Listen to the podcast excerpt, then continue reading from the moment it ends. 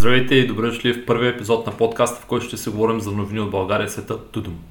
За това, че Дания пуска детска анимация с мъж с огромна пишка, хакери хакват девствени пояси и още от необятният интернет. Само тук, в подкаста на един нетко. Втората част ще е основната тема на броя. Избор на шосеен велосипед до 1600 лева без апгрейдите. Само трябва да стърпите глупости от първата. За да има все пак някаква структура на Амеба, първата част на епизод ще е разделена на три рубрики.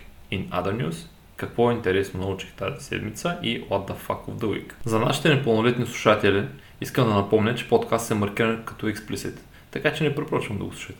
Или го слушайте вашата работа. И ето, че започва любимата ми рубрика In Other News. Първата новина е свързана с търсачката DuckDuckGo, която против времето си не е търсачка за търсене нападки, а е веб търсачка подобна на, на Google, само че е фокусирана върху сигурността. Самите те обещават, че няма да ви тракват по никакъв начин. Та също обещават да не ползват куките, да следят потребителите и казват, че не събират никаква лична информация. Дори IP адресът ви е скрит. Това от кого, как, не ми е ясно. We protect your search history, even from us, каза фаундъра Гейбриел Улденбърг или там както ще. Uh, и така, тък да го имат веб версия, екстеншън за Firefox и ап за iOS и за Android. То хубаво, ама в техния ап за Android са намерили, че всички favicons на сайтовете, в които сте посетени от посетителите, ползващи търсачката, се пазят в icons duckduckgo.com. За тези, които не знаят, това е една малка иконка 16 по 16 пиксела, която стои в най-вляво на тапчета, които отваряте в браузърите си. Всякакъв е проблема. Според Security Researcher, който е публикувал ището в GitHub, има начин тази функционалност да бъде експлуатирана така, че да може да се следи user behavior или да се идентифицира юзера спрямо, спрямо търсенията му.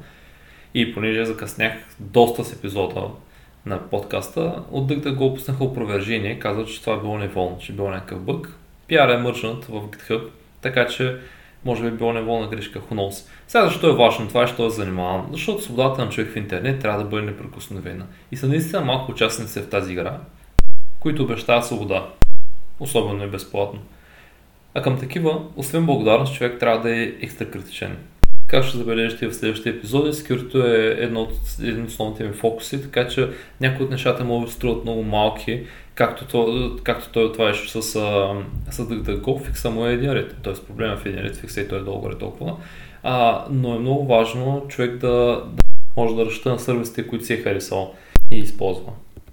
Един от основните индикатори за това дали сервиса, който използвам, без значение платен или безплатен, е кадарен, дали, дали се обръща внимание на малките неща, е с security гафовете. Ще видите и по-нататък, че никой не е застрахован. Ще видите как всякакви интернет гиганти а, правят някакви супер грешки понякога. Например, дъмпване на бази с креденшали, запазване на паролите като в plain text и така нататък.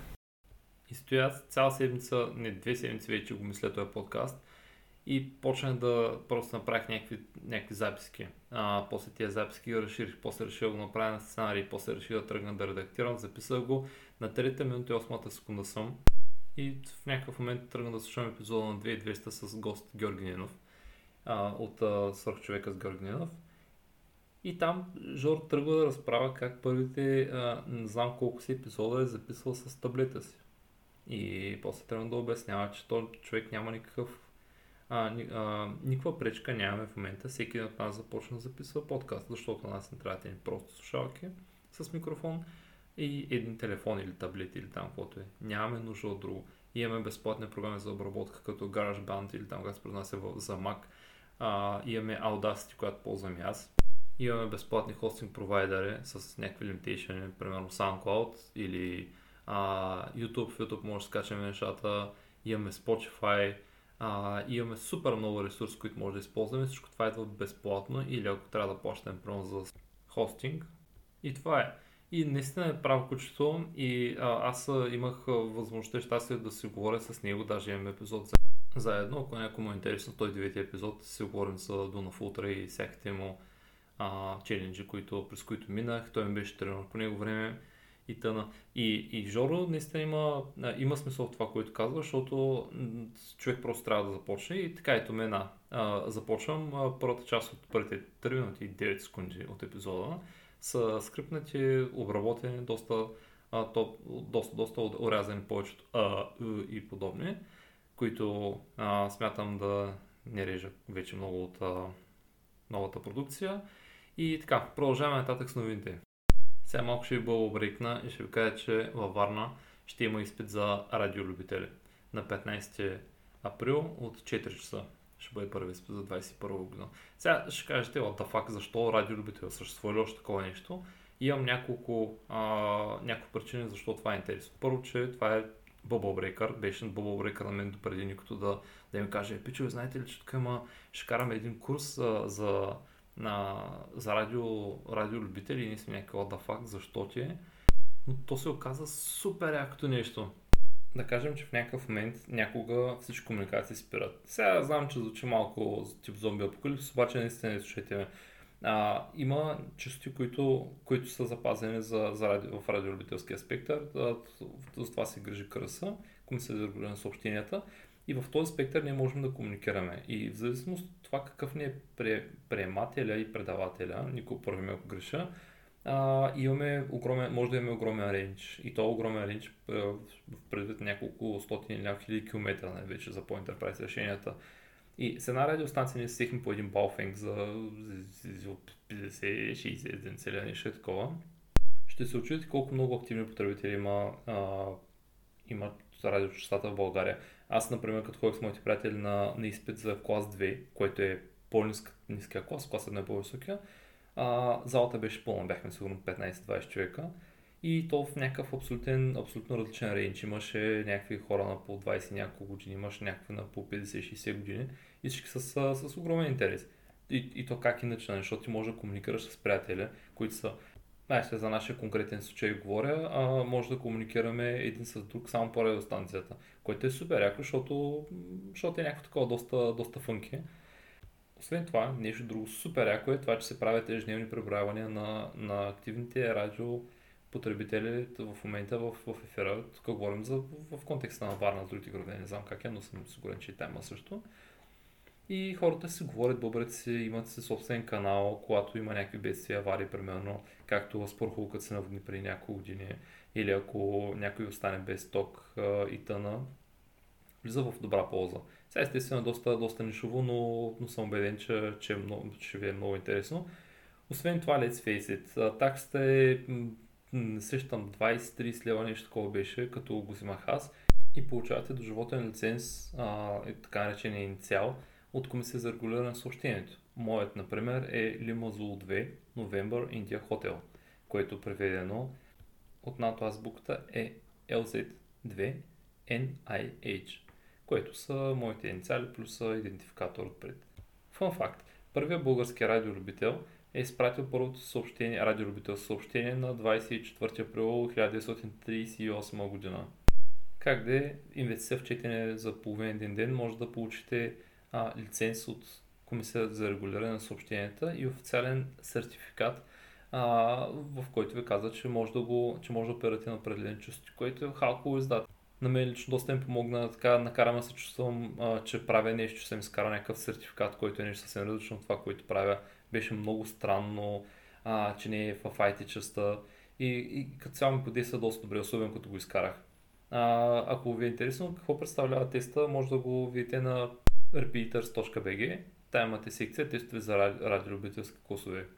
И накрая, но не на последно място, с този инициал имате възможност да използвате радиолюбителска инфраструктура, която обхваща 99% от територията на България. How cool? Човек и добре да живее рано или късно се сблъска с WordPress.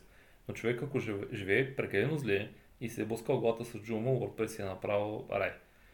Anyways, излезе нова версия на WordPress и сега ще кажете, what the fuck, защо това не интересува изобщо, като никога не съм гледал той тъп, тъпия CMS, за, за какво. Ще ви кажа защо. А, към момента 39% от всички сайтове в интернет работят на WordPress. Само за справка, следващия CMS, който е по известност, който е след WordPress е Joomla и на него работят 2,6% от целия интернет, което пак е доста, но има разлика. И всеки път, като излезе нова версия на WordPress в последните няколко месеца, години, а, винаги има някакви грандиозни и мега подобрения по новия им редактор Gutenberg, който е едно голямо парче лайно, както обича да казват американците и който с тези блокове е такава фашкия, толкова ми е търсение да работя на него, че направо нямам думи. Сега естествено свикнах, защото нали, няма как и има си удобствата, обаче някак стария ми харесваше повече.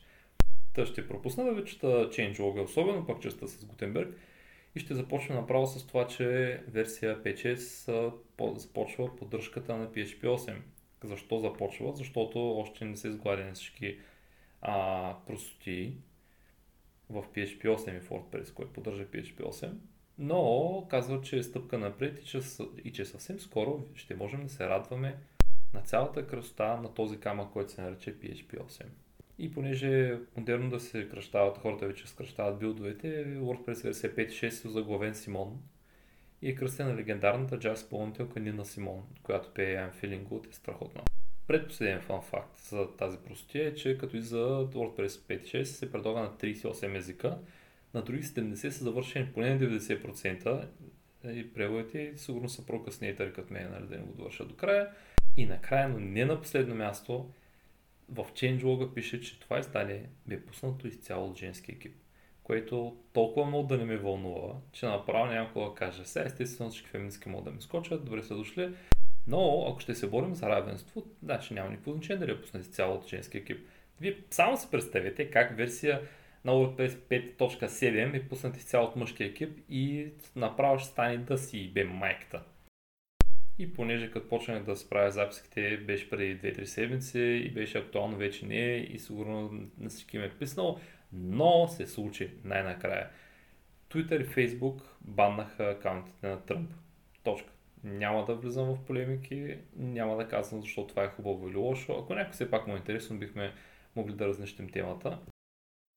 И понеже днес очевидно ще се говорим за стари новини, а, няма как да не пропуснем това, че Google падна. Падна и то много зрелищно и много-много хора осъзнаха колко големи са всъщност Google. Slack също паднаха. Е, да не останат назад сега все пак. И сещам се за, за онес, че в който пък Амазон беше паднал за няколко часа и то не е малко часове. Имаш хора, които спаркираха колите пред блока, защото, пред къщите, защото нямаха а, техните смарт гаражни врати нямаха достъп до услугата на Amazon и не, и не приемаха Authentication, там е команди и те просто казаха fuck off. Имаше репортнати хора, които не могат да се отключат домовете, защото нали са изцяло там супер модерни тъна. И тогава някой се ти каза, а бе, нека държим централизирани тия малките IoT неща, дали ни правим? Няма ли някакъв шанс нещо да се осере? Така както и да е, големите също падат. И ето, че дойде момента, в който аз официално ще заявя, че Apple направиха нещо, което е яко. Наистина, по принцип имат история на иноватори, но Apple Tax, както го наричат, да, трябва да се плащам, пък аз не искам. Не искам да плащам за 8 ГБ RAM повече или за апгрейд между 256-512 ГБ SSD на лаптопа. Но какво направиха Apple? Вие а, сигурно сте наясно и ви е интересно, но а, аз, понеже се обих да гледам клипчета и чета ревюта, много набързо ще брифна за това как Apple го набиха до макарите на Intel, защото приключиха договора с тях за съплаване на процесори и казаха, ами защо пък ние сами не произведем процесори, всички някакви само what? Вече няма. Intel са на пазара от 1971 година. Не можеш да ги биеш. Прекалено са големи. Market capitalization е 224 милиарда долара. И все пак Apple с техния маркетинг capitalization от 2 трилиона долара, мисля, че могат да направят нещо. И това, което са направили е една изключителна хрумка, която трябваше някой просто, просто някой трябваше да изкара големи топки и да го направи и те решиха да използват ARM. И аз като прочетах новината преди вече доста седмици, както казах, месеци, години, десетилетия, и бях някакъв, окей, това най-вероятно е някаква версия на някакъв Qualcommски чип, който е пригоден за работа към десктоп, който обаче ще е доста нископроизводителен, защото все пак, нали, каквото и да се говорим, а, процесорите на мобилните устройства са бързи, но все пак не можеш да покараш на тях Photoshop. Да кажем и той да работи добре, както на едно i9, примерно, което се предлага с Intel i9. But, surprise motherfucker, тук е редно да направим дисклеймер и да кажа, че M1 всъщност не е само процесор, това е системен чип, който включва в себе си процесор, графична карта, там, Graphical Processing Unit памет, която е също, забележите, в този целият пекеджинг и input output контролери. Това наричаме ние системен чип. Това от една страна осигурява изключително бърза комуникация между, а, между отделните компоненти, като има и някои нови, поне за мен, концепции. Сега започваме първо с Central Processor Unit или CPU, което е мозък, слагаме големи а, кавички в, а, във въздуха. След него е графичният процесор, който, както знаете, се използва за визуализация на, а, на, интерф... на интерфейса, всякаква графика, която виждате на екрана, плюс някакъв гейминг. И от тук нататък почват извращенията. А, има и ISP, който е Image Processing Unit, който очевидно какво прави. Той се занимава изцяло и само с а, ускоряването на работа с изображение. Сега тук държа да отбележа, че малко по-нататък ще видите колко, също колко е бързо това цялото чудо. И една от причините е, че а, ако загледате в ревюта, повече от хората там ще, ще ви загледате, ще правят някакви сравнения, някакви бенчмаркове с SignBench и правят бенчмаркове с ето сега ще експортна тук един проект, който е някакъв видеопроект, който е мега огромен и ще го пусна първо на моята а, моят нов Mac, за който съм дал 10 бона и на тази машина и ще видите как M1 ще се прави по-добре. Защо? Защото а, вместо да използват инструкции, които са някакви супер сложни и много и much, просто much, както а, съвременните x86 архитектури, те използват някакви, няколко отделни компонента. Крайна дисклеймер продължава нататък, че има няколко. Има отделен чип, който се грижи само за математически интензивните функции, който включва и съответно декомпресиране на музикални файлове и компресиране и така нататък. Той се нарича DSP, Digital Signal Processor. Имате после така известните NPU-та на Natural Processing Unit, които обслужват основно AI. Това основно са Voice Recognition или ако има нещо специално, някой, който специално използва такава функция, може да се възползва от този отделен процесор, той е отделен юнит. След това имаме хардуерен видео енкодър декодер. Имаме отделен юнит, който се занимава само с security. Това е encryption, decryption и всяка там security. И накрая най-интересното е Unified Memory, което позволява на процесора, т.е. да, нека да, да, тук да кажем, че до сега избрах 10 процесора, но на CPU, на GPU и на всички останали ядра, които, са, които, които изброих току-що, да си обменят информация мега бързо, защото тази памет е споделена това като концепция в X86 на мен не ми е познато. И понеже влязах малко повече в технически детайли, ще отделя цял епизод да се дрънкаме само за това. Но нещо, което най-много ми харесва от всичко е цената. От 1000 долара. Това е стартовата цена. Като конфигурацията е както следва. Имате а, MacBook Air, който е с а, M1 чип, с 8 CPU ядра, с 7 GPU ядра и 16 а, Neutral Engine, това е, това е engine, за който преговорихме преди малко, който се занимава с AI частта. Имате 8 ГБ Unified Memory, тая, която става бързо комуникацията между, между отделните ядра. Имате само 256 ГБ в SSD, който между така, че е доста добър, доста бърз. Имате стандартния мега добър Retina дисплей с True Tone. Защо говоря като, като мале направо? Така, а, имате пак нормална слаба клавиатура. Touch ID, бла бла бла и основните неща, които малко ги хейтят и те са изключително тъпата камера, която все още в 2021 година ползват 720p, изглежда наистина много гадно, наистина а, не че съм очаквал нещо друго, обаче все пак го маркира този лаптоп за обработка на видео, на аудио, за креативни хора, и накрая спускаш камерата и той е една голяма прадня. В смисъл 8 пиксела се движат по камерата и ни размазани а, не е моето нещо, не мога да разбера. Всъщност знам защо. А, гледаха ревюта, хората го разгубяват и казват, че всъщност то няма място за по- по-хубава камера. Съм убеден, че ако може, тяха да сложат някаква пояка. Но все пак...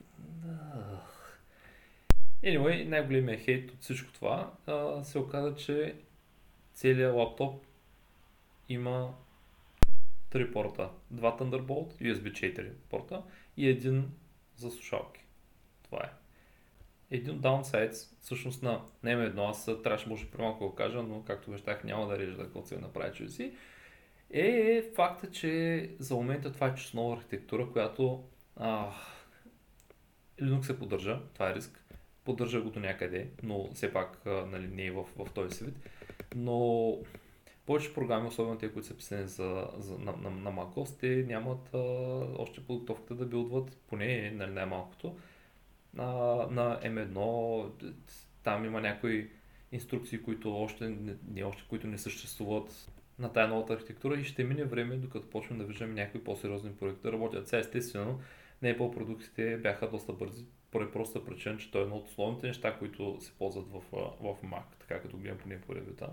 И, например, някакви софтуери, скоро си говорихме с един напълно непознат между човек, за това, за как още няма виртуализация, която да е някаква адекватна, но се надявам скоро да, да може да се случи това.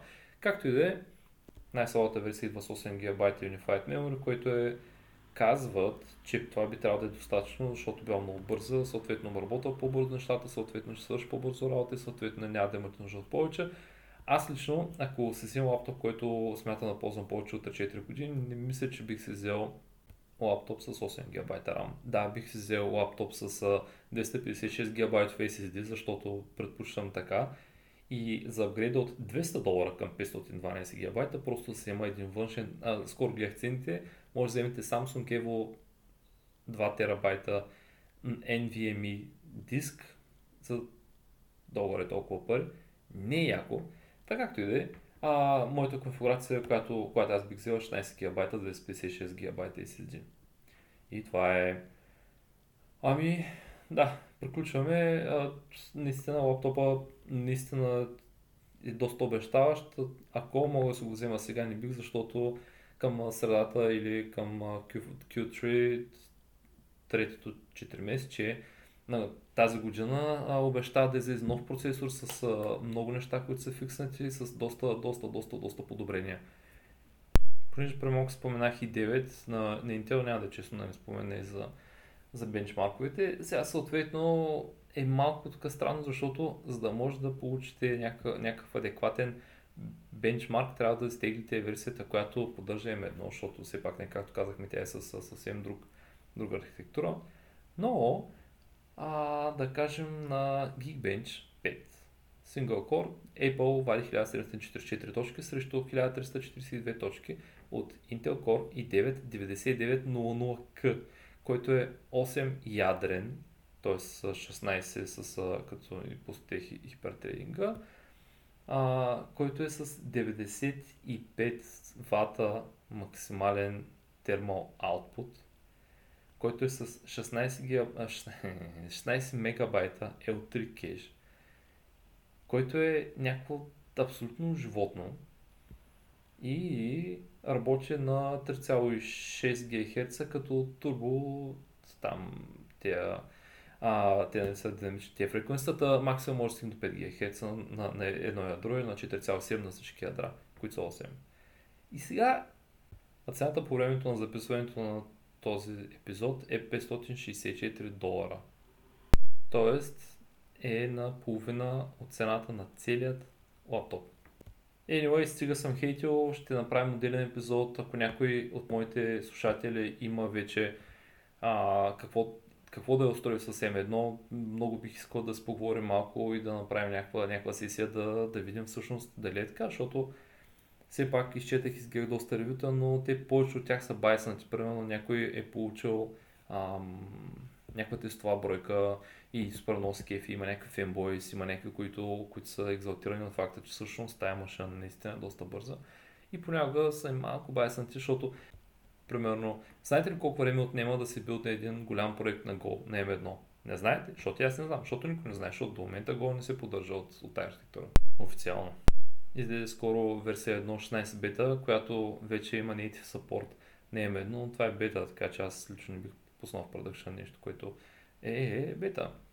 Добре дошли в рубриката какво научих тази седмица. Наложи ми се в работа да билдваме един D пакети, и за тази цел се запознах с туловете FPM и FPM Cooker. Като целта им е съвсем проста, да им кажете по програмен начин искам да билдна този пакет. Ето стъпките, по които трябва да се мине, ето ти make, uh, configure, make, install и така нататък command с съответните им параметри. Като мега якото на FPM Cooker е, че може да се довършите това с един Docker файл и да билднете пакета да вдигнете контейнер, да копирате пакета в контейнер, да го изпълните и това всичко може да стане автоматично.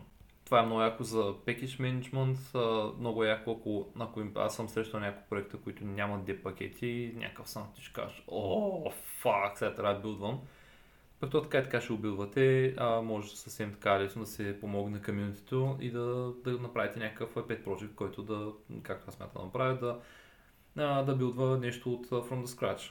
Супер яко, препоръчвам го на, на, на хората, които им е интересно. Ето е любимата ми рубрика What the fuck of the week. В случая от Amount, но нека се представим, че е седмица. Датския еквивалент на BBC задания DR, Денмарк Радио, има нов анимационен сериал, насочен към деца от 4 до 8 години, който се казва Джон Далър Мант или там как се чете. Това е човека с най-дългия пенис в света, който преодолява трудности и предизвикателствата с рекордно големите гентали. Шоуто представлява мъж, който е пулсивен и не винаги се контролира, който допуска грешки, както правят децата. Но най-важното е, че Дилерман винаги го прави правилно. Той поема отговорност за своите действия. Когато жената, жена в шоуто, му казва, че трябва да държи пениса си в гащи, например, той слуша, което е хубаво. Той е отговорен. Това е някакъв неизвестен цитат. И бях, what the fuck, гледах няколко епизода, което е стоп анимейшън или нещо такова се казва. Да, да, да. Го. Джон Дилърмант. Да, да, да. Да, фан факт, Денмарк Радио, по който се пускат този сериал, е финансиран от датското правителство, но то това може би нали, няма значение. Сега влизаме тук на бърза вълна, защото те са много нещата. Едното е, че Варненския залив продължава да струпа с лайна от Аспърхово. Дори не искам да говоря по тази тема, статии колкото искате. Другото е, че добре дошли в български интернет. Забравях да ви поканя, ще ви посипя малко шарена сол. Добре дошли на, на софрата. Новото бельо на военните излиза 109 лева комплекта. Това включва термобельо за хладно време и термобельо за студено време. Друго дружество, което там е спечелил търга по някакъв начин, пък ще доставя 6000 ризи и цената на всяка една е 119 лева 88 стотинки. Няма да кажа нищо. Точка. Ето и нещо от дълбокия български интернет от Dark BG нета, който вълнува много хора, включително и мен. Сайта BG, в който аз често кисна, може би, защото имам дълга коса и големи цици, нали, казва, че Мекс затваря бизнеса си. След 10 години в бранша, българската красавица в кавички, които слагам в кавички, после допълнително в кавички, после слагам с кой после с кой после здраскаме, всичко го хвърляме на букука, затваря бизнеса си. Тя, доколкото разбрах, е а, дизайнер и прави някакви дрехи а, с много ниско качество, доколкото ме съветват от, от woman.bg. И това, което беше много интересно покрай Naplix, е, че MEX има общо 46-47 фирми. Тук тънкото е, че когато фирма достигне оборот от 50 000 лева да ме правят тия, които са вещи в финансите и които крънджат в момента, докато ме слушат, здрасти Наде, и продавам следващата фирма. Така избягва регистрация по закона за ДДС и не го внася просто. Така, спираме до тук защото душата ми вече е празна. Сещам се до вид, дето арестували един циганин в районното и го питат, как се кажеш? Артур. Знаеш, защо те арестувахме? Артуре. Ми, сигурно, защото съм крал. Какво да ви кажа? Заради мъже като мен, жените се купуват вибратори. И говорейки за това, излезе една много забавна статия, която се казва Your cock is mine now. Хакери хакват наред всички ам, девствени пояси, може би, Кестити Кейдж. Anyways, има нещо, което а, аз до ден днешен не мога да разбера, но има някои мъже и жени, които си слагат такива устройства, хардуерни, които им позволяват да си вършат непосредствените физиологични нужди, но не могат да се ам, използват по други предназначения. Сега аз доста мисля по въпроса, първо, защото, защото човек може нали, трябва да се го сложи. И второ, окей, нали, сега при жените е ясно. Обаче при мъжете, аз не съм виждал такова чудо и някак си ме е страх да, да го потърся, но си го представям, че може би ще ви попречва по някакъв начин на ерекцията. Обаче като събудите сутринта, какво правим, братко? Как? Ми ако получи някаква спонтанна ерекция и те от нищо не знаете, като сте на 16 и стоите в автобуса, вътре мириш на смърт на бабичка, на пръсти на, и на каквото и да е друго, изведнъж бам, на 12 часа и си някакъв what the fuck, човек, какво болен ли съм, какво ми стана, нали, те съм всичко нормално ли е? И стоиш се ложкаш там и си някакъв само what the fuck, what the fuck, идва контролерката и нали знаете там Филип от, от София клуб, София Comedy Club ще ви разкаже най-добре. Обаче, как, ако случва това нещо, какво ще правим? Аз направо не знам, мислям с, на, на банцига ще го отрежа. Anyways, знаете вече пре тъпия лав, че S от IoT идва от security, няма S, ще кажете, ще кажете да, защото все пак няма security там, ха-ха-ха-ха, всички се посмеем, ще кажете бах тъпия подкаст, сега мен да го спрете и повече никой не го пускате. Но ако продължите, ще си говорим доста за IoT неща и за сигурността им и за а, ESP32, 8266 и всякакви други неща в следващи епизоди, както и Raspberry, бла бла. Но сега ще се говорим за десени пояси и за вибратори. Да, има очевидно, това беше малко по-стара новина преди някакви месеци, може би година, но а, явно пазара, на който аз продължавам да не съм веща, ама трябва явно да, да ресърчна малко, има вибратори, които имат камера. Сега въпросът е какво ще снима тази камера, как ще слушат нали, цялото нещо и всичко останало. Нали, защото даже не искам да, да започвам да, да размишлявам върху него. Но се оказа, че тия камери съответно качват в някакъв клауд, нали, защото то не може да се го закачиш на телефона, ако правиш нещо такова, защото такова се обърка, нали, в някакъв тески клауд там за един на, на, на година. И се оказа, че тази връзка изцяло всичко е некриптирано, че няма никакво security, ама нищо, даже не сещам дали някакъв authentication имаш е така на програмно ниво или просто махаш някакъв параметр от някакъв request и вече имаш достъп. Ня- някаква мега тъпчията беше. И не го разбирам това, ти правиш вибратор с камера, обаче не даваш на някой ханс там или на някой, на някой чан да ти, да, да я знам, да отдели още 10 часа и да направи малко security. Anyways, и за такива неща хората много лесно се блекмейват после, защото все пак никой не иска да вижда има в около и над под и тебе и там всякакви други извращения, както и козата в ъгъла на стаята. И не мога да продължавам да не мога да разбирам защо така. Но пък някои предвидливи хора решават, че от това може да скарат пари, след като набарат няколко терабайта с такива видеа, а, много лесно могат да блекмелват хората, то ако аз, ако си такова видео и аз бих платил най-вероятно, защото най-голям проблем ще е видео видите, защото все пак ще е грозно. Да, а, често ще се говорим за това и, и защо е, цялото IoT е толкова щупено само заради security, но това е, изобщо няма да, да говоря за това сега. Така, последна новина и приключваме с What the fuck of the week month или там каквото и да е. И това е сърцераздирателната новина, че един овчар заспал и цял стадо овце направили инвазия в испанско село. Селото е Хуеска в Мадрид и е било нападнато от около 1000 овци на 4 юни, 7 юни. Охо, това е стара новина, ама ако правиш, е... няма че това също няма кътна. Както и да е, нашия овчар заспал, и не разбрал, че овцете му някак си изчезнали, избягали, защото що разбереш нали, за хилядовци. То смята на каква реки е бил човек. Направо, направо сега се замисля, стои и, и трепера. Как хиляда овци? Хиляда овци. Сигурно някой коча, не знам, може би има и кучове. Ма какво става с кучета? Може би кучета се остане покрай него, дели си като пешо, пешо, ей, сега се балмат. Както и да е, на, полицай, на полицайите им е отнел цели 45 минути, което според мен е супер малко време за хилядовци да приберат овчиците горките и да спасят селото от инвазия. Ако беше при нас, просто виждам как едно малко селце от примерно 20 къщи и 1000 овце идват. Минават през него, нищо не се случва и просто иззад три овце. И изведнъж почва да се дигат едни пирове, едни човеси, защото нали, някой е придърпал. Аз имам една история между другото, не знам дали тя да справям в ефир, но преди много, много, много години имах едни приятели от а, айде ни, да ни по-малко информация е за тях, но от съседен на Добрич а, град, с който ходих на палатки. И бяха много известни с факта, че имах, бяха големи пичове, обаче понякога малко се помрачавах. И така на едни палатки, на които аз не можах да отида, за мое съжаление огромно, а, минали някои заблудени овци. И копалите откраднали една овца заклали на плажа. Да.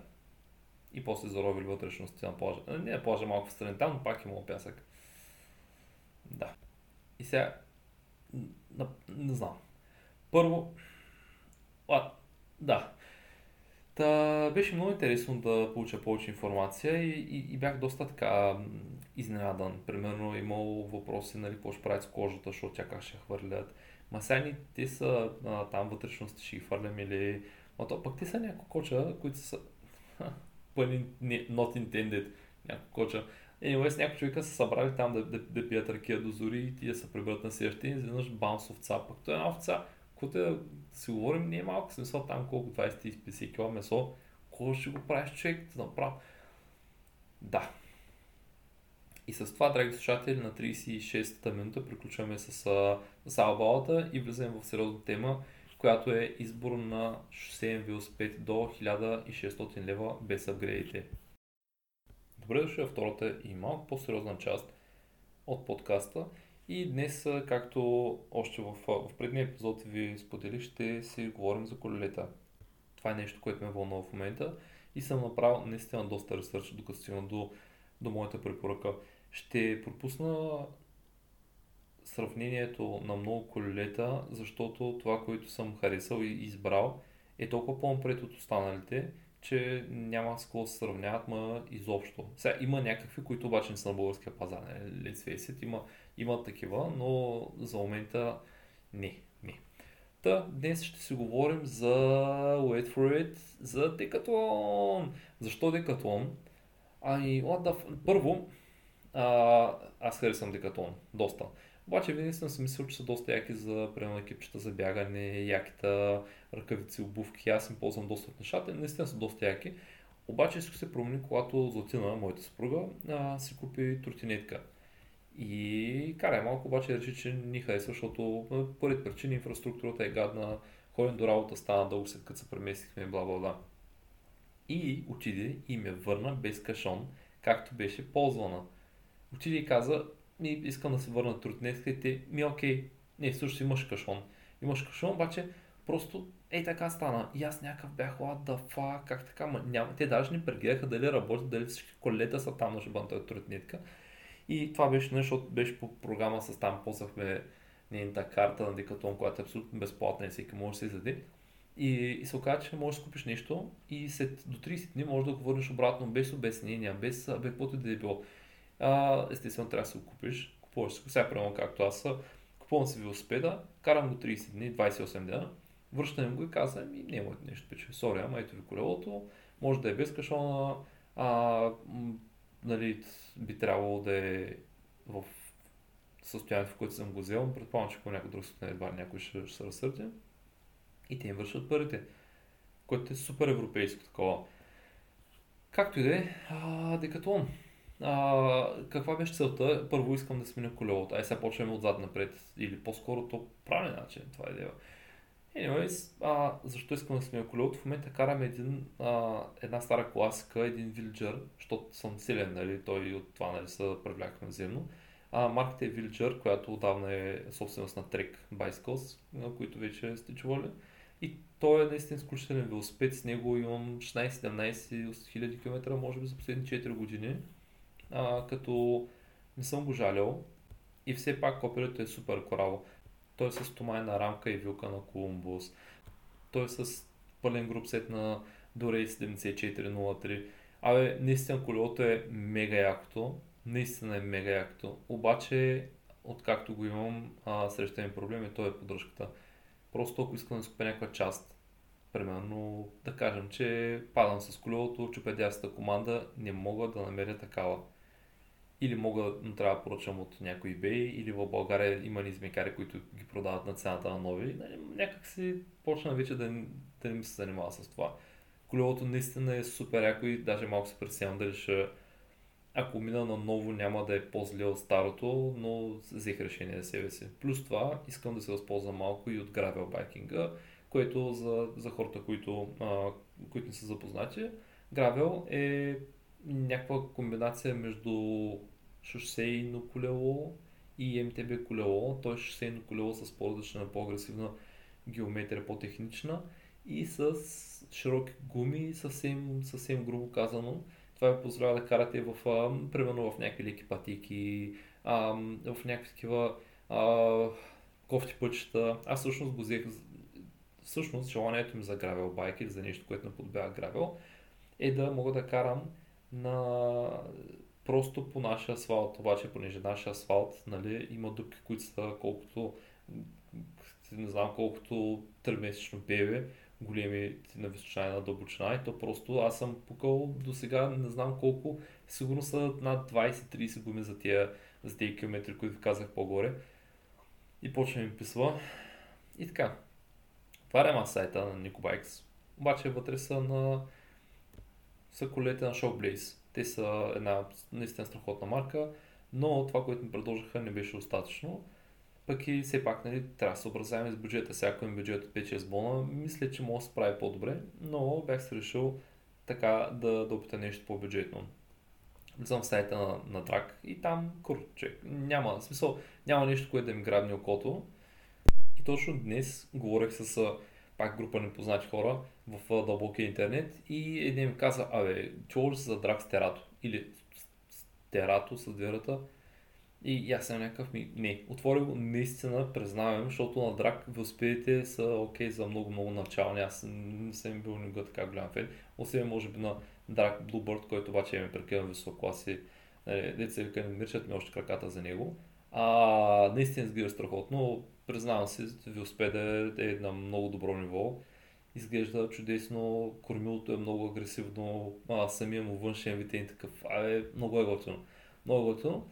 Съответно, идва с малките измикарщини, които не ще видите и в Декатон, защото все пак нали, трябва да, да, това е на цена от 1560 лева, а, които ще видите и в, в Декатон, което го оправдавам от, нали, от, от една точка, но това е, че гумите му са на VE Tire Rail 740, което някакъв производител в някакъв китайски гараж най-вероятно е и аз ако взема колело ново, и му сложа, го оставя с тия гуми, не съм сигурен колко окей бих се чувствал с това. Anyways, колелото наистина е добро, на мен ми допадна супер много на външен вид, малко по-леко от декатлонското, но малкият проблем е, че е с Shimano Sora R3000, което, не ме разберете погрешно, Sora са, са супер особен пък при нов, нов груп сет, но точно по тази причина затворих тапчето.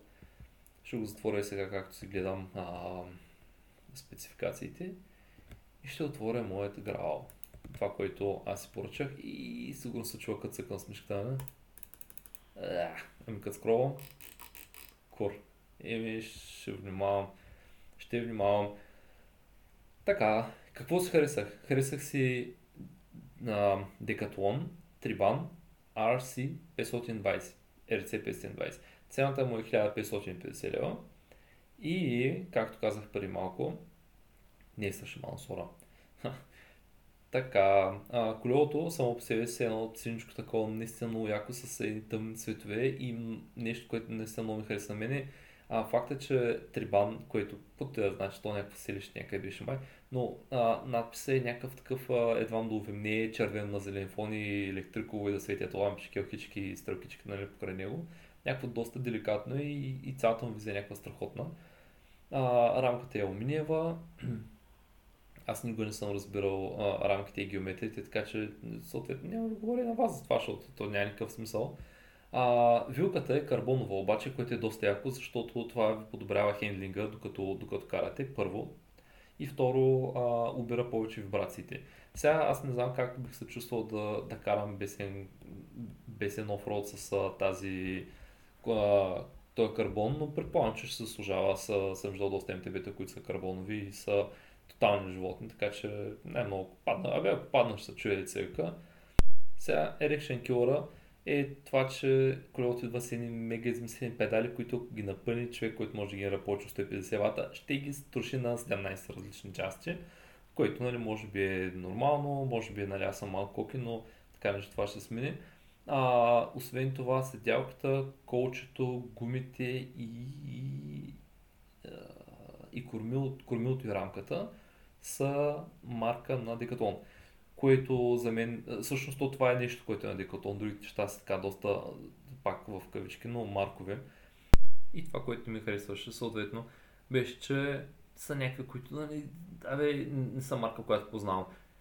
Мнението ми много бързо се промени, когато разбрах, че всъщност има доживотна гаранция на рамка, лапа и кормил, което е супер яко, супер яко. Включително а, към гаранци... горе за гаранцията имаме 2 години гаранция на вилката и 2 години гаранция на групсета, което си е, си е файн. Сега говоряки за групсета, Shimano 105 R7000, който е за 2018 година. Това е последния групсет на, последната версия на групсета на Shimano. Като над него има само още два тайера, които са от Egra и до рейс. Като последните две ще са професионални, като последната до рейс е възможно най-високата.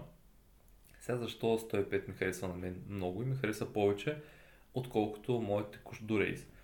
А причината е, че чета по доста, от доста места, доста хубави впечатления. Първо технологията идва при най-високия клас. Новите технологии, новите абе, иновациите като цяло, подобренията отиват в най-високия клас. Там се възползват професионалистите, които наистина знаят какво искат, какво карат и с тях има значение дали дали ще е полек с 10 грама или там с 50 грама или не. За разлика от мен, аз тежа 100 кг, дали ще е с 1 кг повече делерера задния, ми се едно, често казвам. И има тенденция последните доста години вече, а, когато иновират, когато мине една итерация на, а, на, на Durace Group Set, да кажем, а, следващата версия на подобните тиери наследяват тези, тези иновации. И така, ако чакаме достатъчно дълго време, сората, за която говорихме по-рано, ще наследи до голяма степен иновациите, които в момента ги има в Durace. Нали, това е съответно с доста време, като за момента едно от основните неща, е, основната разлика в момента на Shimano 105 на и Shimano Durace в момента е грамажа, плюс някакво толкова незначителни разлики, че направо няма смисъл ви казвам. Естествено, тук говорим за механичните скорости. Те, които са дито, което е, не е някакъв добрички акцент, дитото, нали, или там но е DI2, а, който е безжичния, безжичната версия на, на групсета, т.е. съвсем различна бира. А, и, и така, в момента получавам Top of the Line Shimano 105, който, който може, много, може много повече, отколкото аз някога бих имал нужда най-вероятно. И, и е страхотен. Той е 11 скоростен, задният делерор е една изключително моя гордост, защото е с дълго рамо. Това е наследство от МТБ колета и е толкова яко, защото като минавате през някакви дупки или през някакви неравности и обикновено задният делеро играе човек отзад. Сигурно, че някакво кучко търча човек, той скача, пада такова и той е основната причина да ви пада веригата. А като ви падне веригата, е, абе, кофти работа е. И това дълго рамо е, абе, доста макеф мене. Супер много макефи. А, командите са пак 105, предния делиор също е 105. Защо ги разделям така, и що не почна да включа с корбел, венеци, спирачки и така нататък, защото са различни. Ето е ловката. Когато имате ефтино колело, с, казват, примерно, Shimano 105, от Tegra, дори Сора или каквото и да е било, обикновено има ловка и ловката често пъти е при а, Курбел и Венеца. В случая си е, е баш там. Е баш. А Венеца или така наречената венецка сета, което звучи малко мъжески, е на микрошифт, което е много едно декатон, което аз не мисля, че е най-доброто, което може да съществува. Но, поглеждайки от добрата страна, това е само касета, която най-лошото, което може да се случи е да не, да не превключва скоростите прекалено добре. Което ме има съмнява едва ли ще усети разлика. Скорост е 11.32, което значи а, 11 зъба е на най-малкото зъбно колело, т.е. това е най-високата скорост, която може да развиете е на 11 11 зъба и най-голямата 11 скорости по-горе е 11 е последна скорост, е 32 зъба, която е най-широката. А, зъбите са много добре разпределени, те са а, обикновено когато имате повече предавки, защото мое дори другия, другия минус е, че е само 8, 8 такива, има много голям скок между първа, втора, трета, четвърта и така нататък предавки, докато имат някакъв лой, катерите някакъв спергаден бер и превключите на по-висока или по-ниска предавка. И обикновено става едно такова хъркане, едно превключение много гадно, което много пречи, и, абе като цяло не е яко и много се губи флоа. А, тук касетата изглежда наистина страхотно. Тя е с както следва. Bear with me, ще приключат малко цифрите. Съответните зъби. 11, 12, 13, 14, 15, 17, 19, 21 зъба, 24 зъба, 28 зъба, 32 зъба, последния за втора вратата. Какво значи това? Значи, че а, преминаването от скорост в скорост няма да, няма да усетите някаква така драстична разлика, която да, а, да, да ви оплете в лова и да каже, ай, че гадно да се превключи, все че някакъв кофти автоматик да карате, така един вид. А, та, та съм доста доволен с това. Другата уловка е това, че курбела не е на, на 105 на Shimano, но пак е на Shimano. Той е RS510 компакт, който е с 51 зъба на голямата плоча и 34 на малката. Това са така наречените компакт курбели. Всеки път, като казвам курбел, осъзнавам, че казвам думата кур. И малко се смущавам, защото до края на това ревю ще много курове ще минат при усата. Така. Продължаваме към нещо, което е, може би, една от най-големите ерекции след, след групсета и това са спирачките. Спирачките са на TRP, който е производител на спирачки. Очевидно е производител на спирачки. Модел е HY на клончерта RD, който звучи доста гийки. И това са механично-хидравлични дискови спирачки. Което значи, че когато натиснете спирачката, усилието, което прилагате, се предава към а, дисковите спирачки по механичен път, а не по хидравличен. Т.е. вътре няма масло, а има жило, което е много по-устойчиво а, от гледна точка на, на дълго използване, много по-здраво е и, и според мен е по-добрия вариант за, за този use. Сега, ако карате някакво по-низко, вярвам, че хидравличното е много по-добро, но представете си, че аз карам а, следващото на фултъра и съм някакъв мега заребен и въртя, въртя, въртя, въртя и се спирам на някой кръчма да изям един, един реактивен блок, примерно. И колелото ми пада и по някаква причина ми се къса тръбичката или там по каквото е на хидравликата. И какво правим? Да ставам без спирачки. А, сега естествено той е тъп case, защото всички знаят, че всички болове са реактивни, нали? Първо. И второ, са доста добре защитени, но от тук идва и разлика от цената. Тези механично, механични дискови спирачки са по-ефтини, отколкото хидравличните такива, но в сметка на това пък аз не мисля, че са по-лоши. Естествено са от към производителност може да са а, по, по, една стъпка по-надолу, но самия факт, че от Декатон са успели да сложат такива спирачки на, на колело с толкова пари, ме направо ме изумява. А, съответно, хората, които карат МТБ-та, най-вероятно ще си завъртят очите на 195 градуса, както някаква американска тинейджърка в, в филмите от 90-те години, като разберат, че дисковите са диаметър 160 мм, като разбирам, че може и повече, но моят скок ще бъде огромен, когато мина от а, ретро челюстна спирачка към дискова такава. Така че мисля, че ще се чупя главата от кеф. А и горе като чупя на глава, два пъти съм падал с МТБ колелите, двата пъти бяха с хидравлични дискови спирачки. Съвпадение? Не мисля. Освен това, нещо, което е на абе, голяма ерекция, е това, че са се замислили от Декатон са успяли някак, не знам как в този бюджет, да използват и броня, която е на Jackwire или там, как се произнася, но да, вярвам, че как се произнася, а, която е а, доста по-скъпа от стандартната на Shimano или някаква нонеймта, някаква тел, която слагат обикновено в китайските колелца. Всъщност, чакай да видя, докато... Какво може да се обърка и сега, докато, докато си говорим тук, да, да видя в а, Драк се сте, бла, стератото с какви спирачки. Handlebar Grips Brakes Shimano RS305 Cable Type, type Disc Brake Естествено Няма се види на снимките, но съм убеден, че не са на Jaguar. Предполагам, че са на тяхната марка Cox. Anyway, търсим, търсим, търсим, а снимки обаче са размазане. Добре, може и да са. Ако са, нека им приемат извиненията. Ако са, лапат пишки. Така, продължаваме. Докъде бяхме стигнали? Да, факт, да. Сега, а, Erection Killer на това колело, там където спестени също пари, са в каплите и в гумите. Като каплите са... А, сега, първо, уточнение на уточнението, което уточняваме, че това е и плюс и минус. Защо?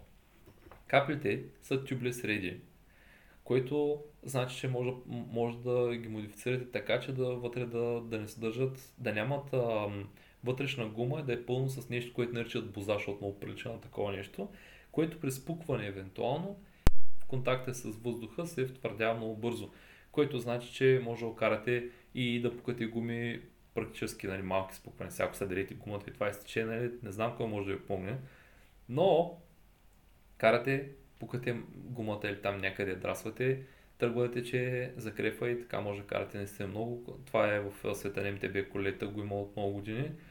Но шосейките още така е рядкост, пък и да, все пак нали, да не забравим, че това е един вид гравел, не точно, нали, сега тук също има и гравел версия на колелото, което е само с различна, а, различно кормил, но това е друга, друга тема и струва там 200 лева повече, което е what the fuck. Но каплите се върнем на, на уточнението на уточнението и спрем да уточняваме, че са тюбли среди. Минусът е, че са тежки. От алуминий са, то няма какво друго да бъдат, нали? А, с 24, 24 мм са високи, като имат някакъв словани лагери, бла бла бла. И теглото на двете капли без касета и оси е 2 кг, което си е доста. Съответно, гумите са с всеизвестната марка Triban Resist Plus, която и тежа 410 грама, предполагам, бройката не съм много сигурен. А, якото е, че са доста издръжливи. Оплетката им е 55 TPI, там каквото значи съкръщението. А, и са 20, 700 на 28, което значи доста широки. Доста, абе ще ви изгледат странно широки за шосейно колело това е нещо към което аз се стремя. Прикарах с 23 мм широки бордове, после смених на 25 мм широчина на бордовете. А конфигурацията, в която идва текущата версия на Triban RC520 са 28 мм. Като по разни сайтове а, има всякакви а, апгрейди, които се предлагат към колелото и някои са успели да, да набускат и 39 мм гума, което е наистина супер много. И е доста яко. Доста яко може да карате наистина, ако, ако знаете какво правите, може дори да, да излезете на някаква така по малко по-роки, по-ниска пътека. А, както и да е проблема, че, както казах, са, и те са тежки. А, и ако искате да минете на, тюб, на тюблес, трябва да, на, трябва да смените и гумите, нали, съответно. Сега, седялката и колчето, те са на трибан, то това е ясно, както казах и по-рано а, педалите са си съвсем дефолтните. Сега много фънки е, че велосипеда се продава с фар, стоп и звънец. Фара е да виждат пчеличите като преминавате, защото нали, не мисля, че е някакъв вау, но го има. Стопа е важен. Абе, ако нямате заден стоп, стопа си е супер. И звънец, човек, за какво ти е звънец?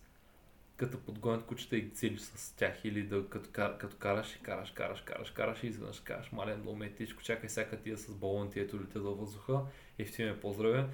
И, и скаш, мале, тук ще падаме, да я фърля нещо през балона или с от колелото и се чуеш какво е фащаш за неца и го изхвърляш и спестяваш 18 грама и каш.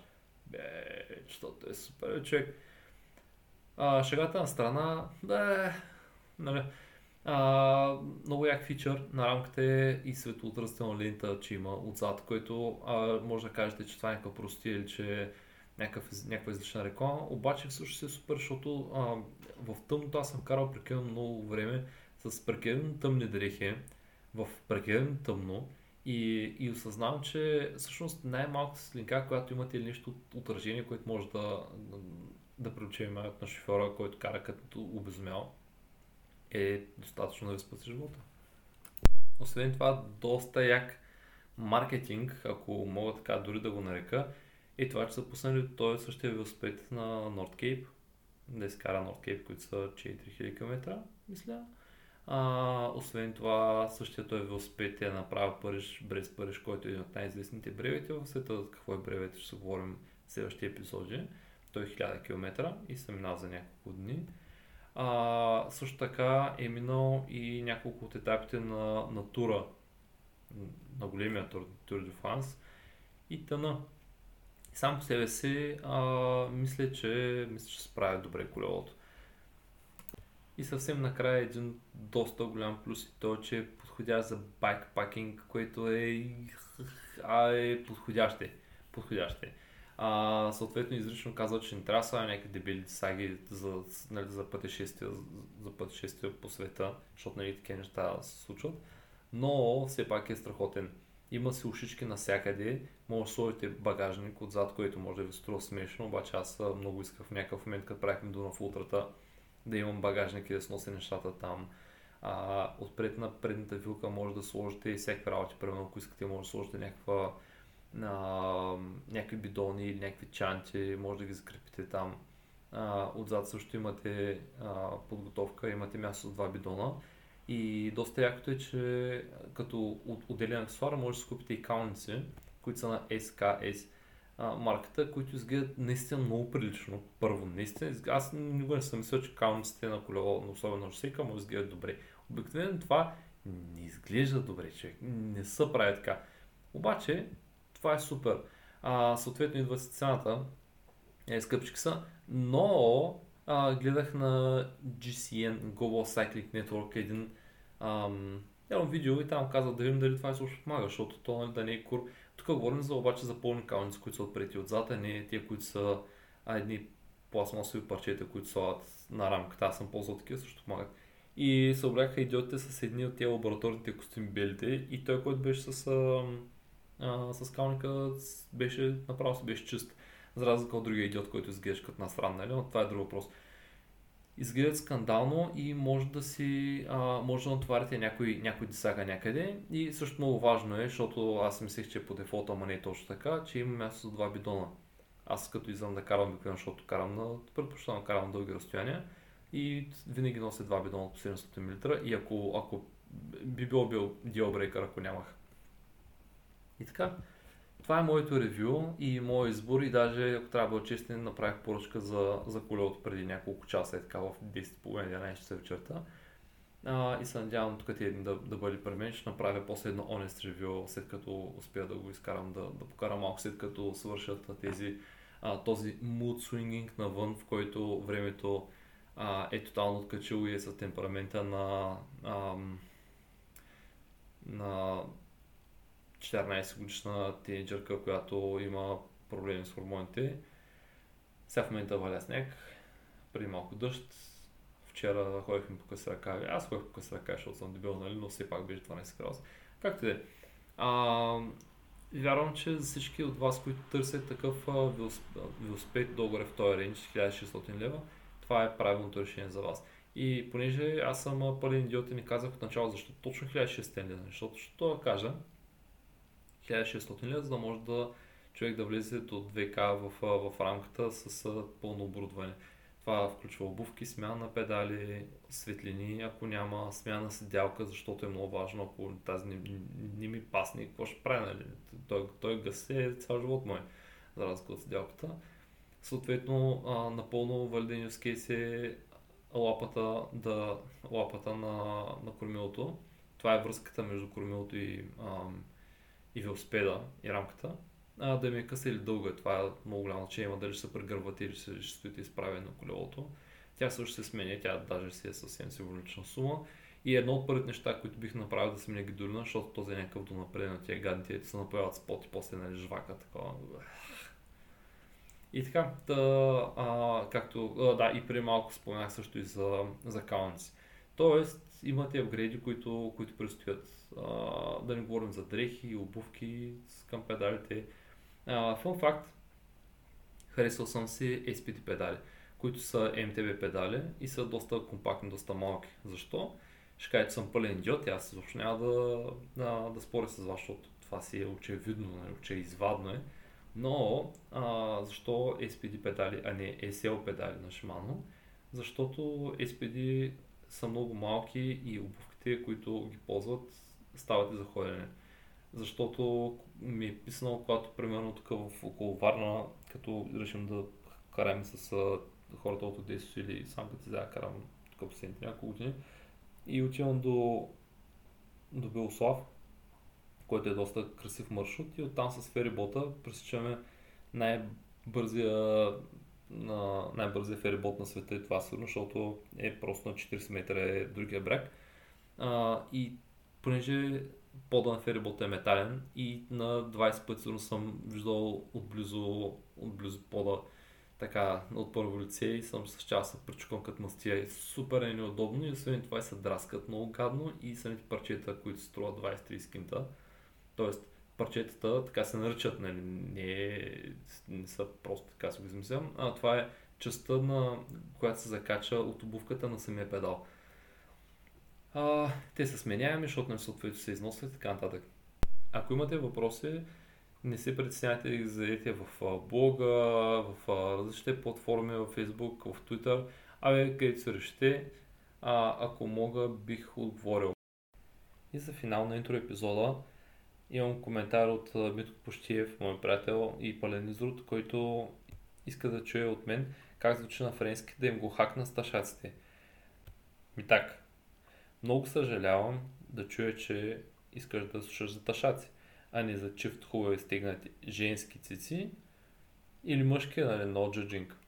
Но никой няма да хареса факта, че казвам лесели льопирате avec le на френски. Довиждане и до нови срещи. Ваш Нетко.